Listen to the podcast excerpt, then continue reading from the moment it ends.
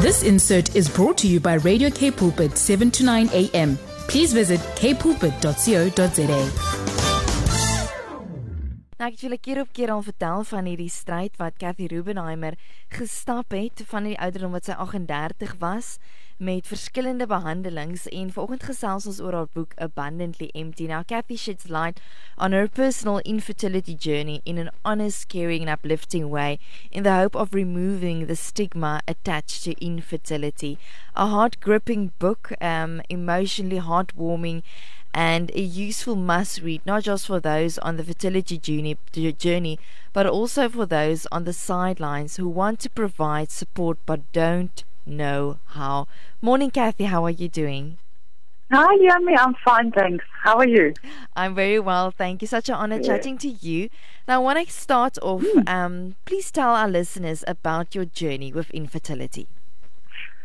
Oh gosh, okay. So um, it's a seven-year journey. Um, I grew up in a close family, you know, with mm. siblings and lots of cousins, and I just always assumed that I would be a mom. You know. I played dolls with my sister, and um, anyway, and I found that after I studied, I went to London for a bit, and before I knew it, I was back home and I was 38, and I. Mm. I just thought, oh my gosh, you know, I better get a move on if I want to be a mom. Um, so, we, yeah, I met Julian, my husband, mm. and we embarked on um, fertility treatment because he'd had a vasectomy. Mm. Uh, and, and many years before. So that was our option. And at my age, they suggested IVF to be the quickest way and you know the, the greatest chances for us. Mm. And um, after the first one didn't work, I was devastated. But I thought, no, this can't be. I just got to try mm. again. Mm. And then I tried harder. And then I, you know, we sure. we literally went from government hospitals to private hospitals mm. to from one doctor to another professor to a. Um, we tried and tried and tried, and nothing worked. So sure. we moved on to an egg donor, mm. using an egg donor.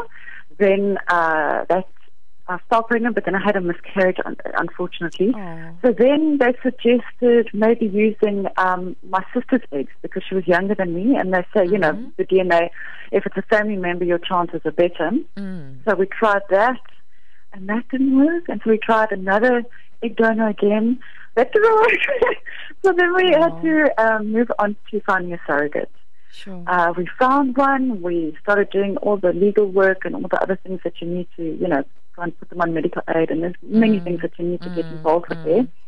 Um, and she unfortunately decided right near the end to not go ahead with it. Oh, but thankfully, yeah, but thankfully there was somebody else that stepped in, a very beautiful friend of mine um, who actually lives where we live, and mm. she, yeah, the biggest altruistic gift ever um, she said no, she would like to do it, and she's a mom of five kids, so it was a real.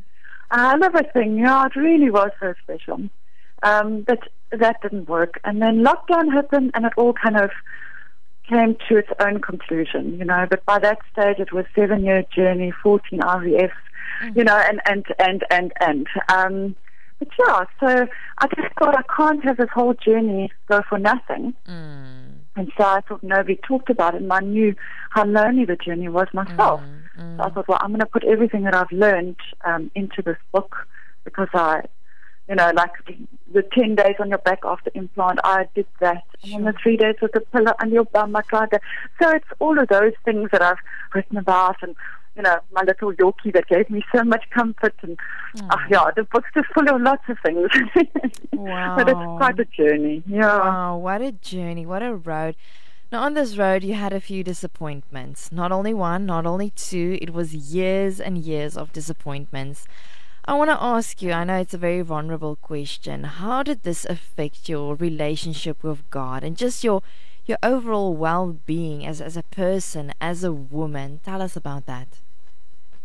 I think, um, look, I've got a fantastic husband. I'm really, really blessed with him, and and with a mm. very supportive, loving family as well. I'm really lucky, you know, the friends and people in my life. But through this journey, there are points where you just you can't be reached.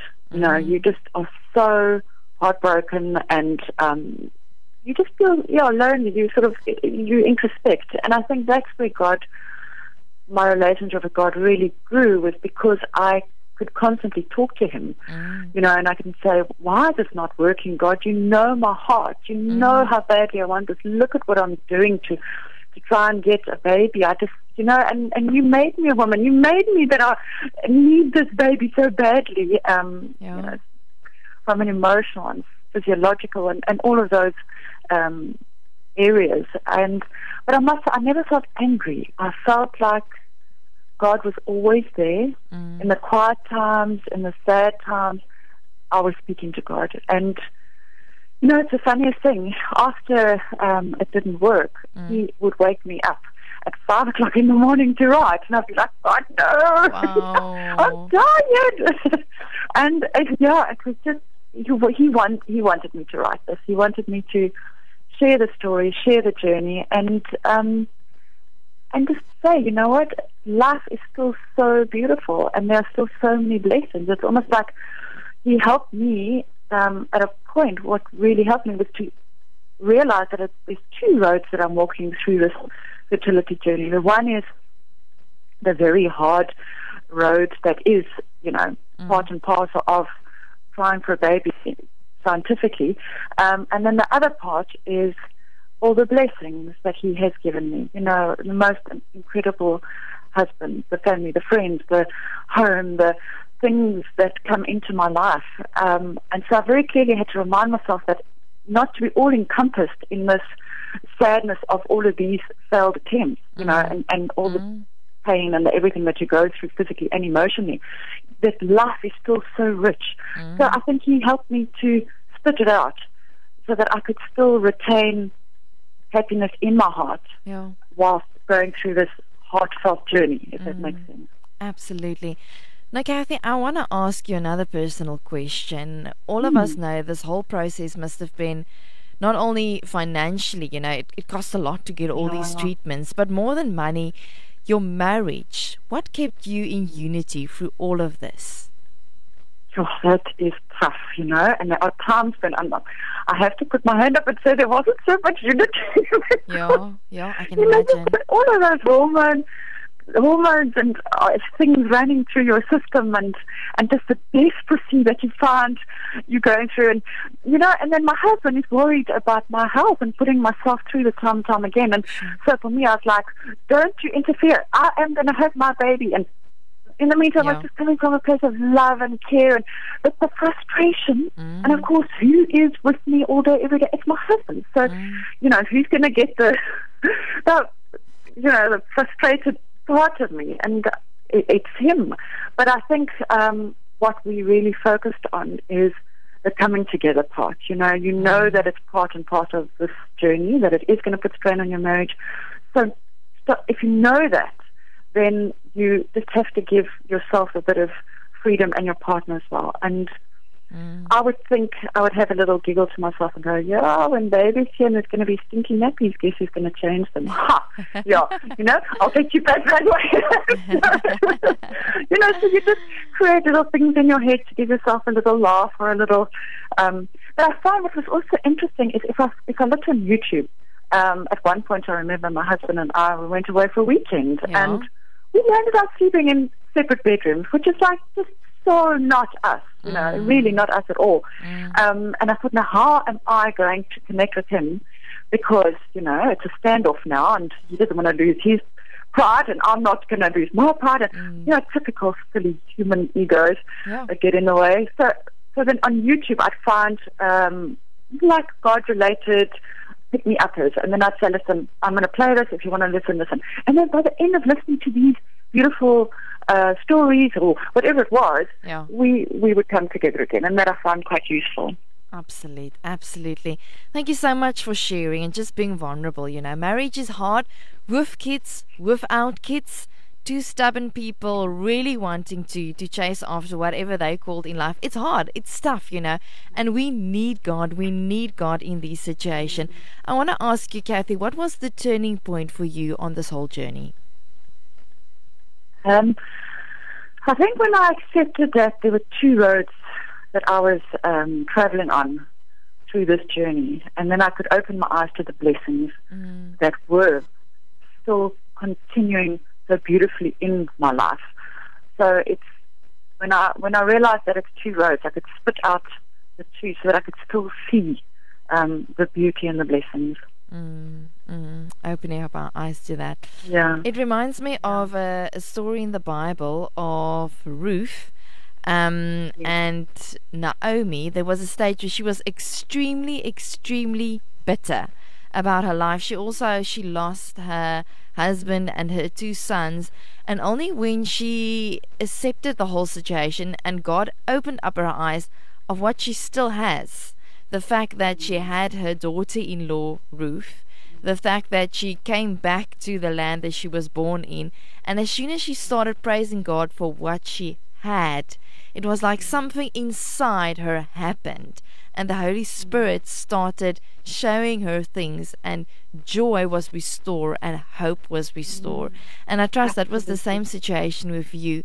Um, those listeners who just tuned in now, it's about 14 minutes before 10.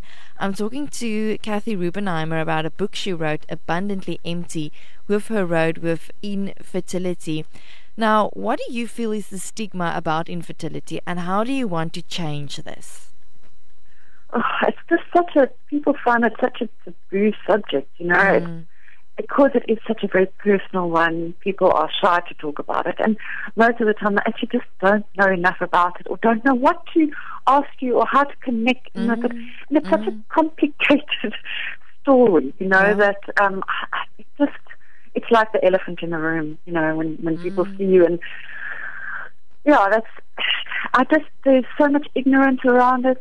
Um, and also the fact that women, when they're going through it, they feel like they're so disappointed and a, and a failure and their bodies aren't working properly. And, Mm. and so they also, you know, their confidence is low. And, and then to go and be so vulnerable and, and talk about it and just feel like more of a failure, it's, you know, so Yeah. you can understand this whole thing goes underground. And yeah. you, the more underground it goes, the, the further away they can be for you to help them or to be helped Mm, um, you know, and that's where that terrible loneliness comes in. So I just actually just want to remove this dark veil of secrecy around it, mm, which is why I wrote the book. I, you know, I have a 360 degree perspective around it. So I've not only got, um, you know, like a psychologist, but um, my fertility specialist, my husband's written in there, the Mm. egg donors, the Mm. surrogates.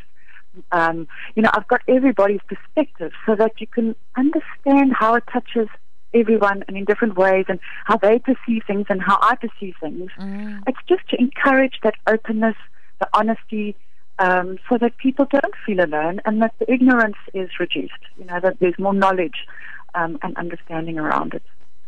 You just spoke about these, um, a lot of informative contributors as part of this book. I want you to share some interesting facts that caught you by surprise with some of these contributors.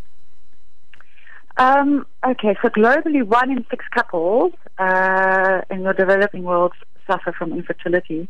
The Mm, places like South Africa are developing countries. It's one in four couples. wow. Um, and that for me was like, what? I Yeah. can't, I, you know, that's, that's, Mm, I mean, and how many people are not keeping quiet about it, you know? Because I Yes. found, now that I've been talking about couples, people come to me and say, oh, people that I've known for so long, and they're like, oh, we had this journey. And, and I just think like, my goodness, mm, this is not cool, especially Mm. one in four, you know, and you must be Mm. proud and proud to walk mm, tall with Mm. this, um, because like one in four, you know, Yeah. one in four couples go through this. yeah. And guys also need to be a lot more open about it because for them there's a lot of, you know, they feel judged.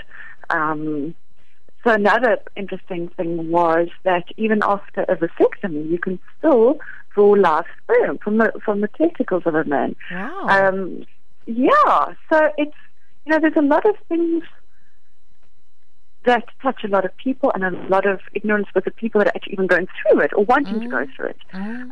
So there's yeah there's a lot of um, interesting information. Sure. That's all in Cathy's book, Abundantly Empty. Cathy, the whole reason why you wrote this book was really to inspire others on this journey. What do you want to say to people, to listeners maybe that's tuned in, that's saying, Yeah, Cathy, I get you. I go through all those motions. I I go through those disappointments. My heart is broken. Maybe yesterday was one of those days, that one time in the month that you just didn't want it to have. What do you want to say to them? There's a lot I can say, so I'm going to try not, not talk too long for you. Yeah. Um, I just want to say, those going through it, take ownership. Take ownership of your journey. Don't hide it. Don't, um, you know, go in secret. Don't, yeah, walk tall, be proud. You are strong for embarking on it, let alone going through it, you know. Um, mm. Strong, strong women take on this journey, strong couples take on this journey. So be proud of that and walk tall. And then forgive those that don't aren't able to connect with you in the way that you want want to. Um, forgive them. Forgive them. They know no better, mm. and it doesn't mean that they don't love you. Mm. Don't let your life disintegrate around you. Don't lose sight of the other areas of your life. You yeah, know where there yeah. are true blessings and where things are, you know, growing beautifully and healthy and um, prosperity and you are a lot stronger than you think. So whatever you're going to go through, just know, dig deep. Don't give up after one or two attempts. You can do this. Stay positive. There are so many success stories um, out there, you know, and and keep your hope alive. Mm. Keep your hope alive. Yo. Now, Cathy, you yeah. also offer um, support in terms of your. Facebook group, your Instagram page. Tell our listeners about that. Yeah, so um, I've got a very active Facebook group where a lot of people are asking each other questions and sharing experiences and highs and lows mm-hmm. and all sorts of things. Um, the Facebook group, and that's a nice thing, it's not a Facebook page, it's a group. Mm. So um, I'm, you know, I, I let the people in, and so I know that it's like-minded people. It's not on your public Facebook page. Mm. So the Facebook group is IVF and surrogacy support. So mm. that's one that seems to be doing very well. Um, Instagram, I've got abundantly empty. I've got um, and on there you'll see, you know, my email address is Cathy at ivfsupport.co.za, and that's a Cathy with a C. Um, so those are the main platforms where people seem to be active, but I would encourage people that are going through it the Facebook group IVF and Surrogacy Support, and then there's lots of articles and where you can get the book and all of those details on ivfsupport.co.za. Mm. Cathy, thank you so much. I want to honor you oh, in just being vulnerable, in being real about a, a topic like this and just saying, you know what, I've went through all this pain, but I want to keep your hands on high. I want to cheer you ladies on. I believe in the success success stories. I believe mm. that all of you who don't have babies yet, that you are going to become moms, and that is my prayer. And I've actually opened up the WhatsApp line this morning for, for people to WhatsApp and to say, this is us, this is our names. We want to we want to be anonymous, but we need your prayers. Um, and um, we're going to trust with God for a for a miraculous intervention, for the Holy Spirit to really touch these moms, moms to be. Um, and I'm sure, Cathy, you're a great aunt and you have kiddies in the family that mm. you love and you support. And I'm sure you are Absolutely. the best aunt. of all the aunties. I would like to think so. That's wonderful. Cathy, last thing. Oh, um, where can yeah. people buy this book? Christmas is coming up. Maybe there's someone in the mm. family they want to inspire yeah. them um, with buying this book. Where can we buy this? Um, the, it's coming to the major bookstores, but at the moment it's definitely on loot.co.za. Mm. Um, or otherwise, just pop me an email, Cathy with a C, Cathy. Yeah. C-A-T-H-Y at ivfsupport.co.za and then I can get it to you. And for anybody that's overseas, uh, you can get it, it's on Amazon. So you can buy the paperback on Amazon and then get that delivered to your family and friends overseas. Amazing. Cathy also has a blog, www.ivfsupport.co.za. I'm sure people can read a lot about your journey and just the inspiration. And Cathy, you, you just have this um, anointing to just share joy and to share freedom. So thank you so much for being you and for being obedient and writing this because I know, right to myself, when God wakes you up at five, it's mm. definitely Holy Spirit inspiration. yeah. And you can kick and scream when it's not going to help. oh, but I can just remind you, my baby's 20 months old now, and 5 o'clock oh. is really the time that they want to get up. oh, mommy, see it's a godly hour. I know, I know, no, absolutely. So at that Oh. time, you have the joy of inspiring other people while you write this book, wrote this book, and we have the have the joy of our babies and our bundles Oh. of joy. And yes, yes. give them all a extra squash from me. Oh, Cathy, I will. Thank you so much for Oh. sharing. Have a lovely day. Oh, and thank um, you, Miss. yes, Thank Cathy you for said, having this interview. Yes, Cathy said she's going to Yeah. bless the radio station with a book or two. So hopefully next week I'll be able to give one away. So make sure you guys stay tuned for next week's program as well. Have a lovely day, Cathy. We'll talk again. Bye Thank you, you too. Bye. This insert was brought to you by Radio K Pulpit, 7 to 9 a.m. Please visit kpulpit.co.za.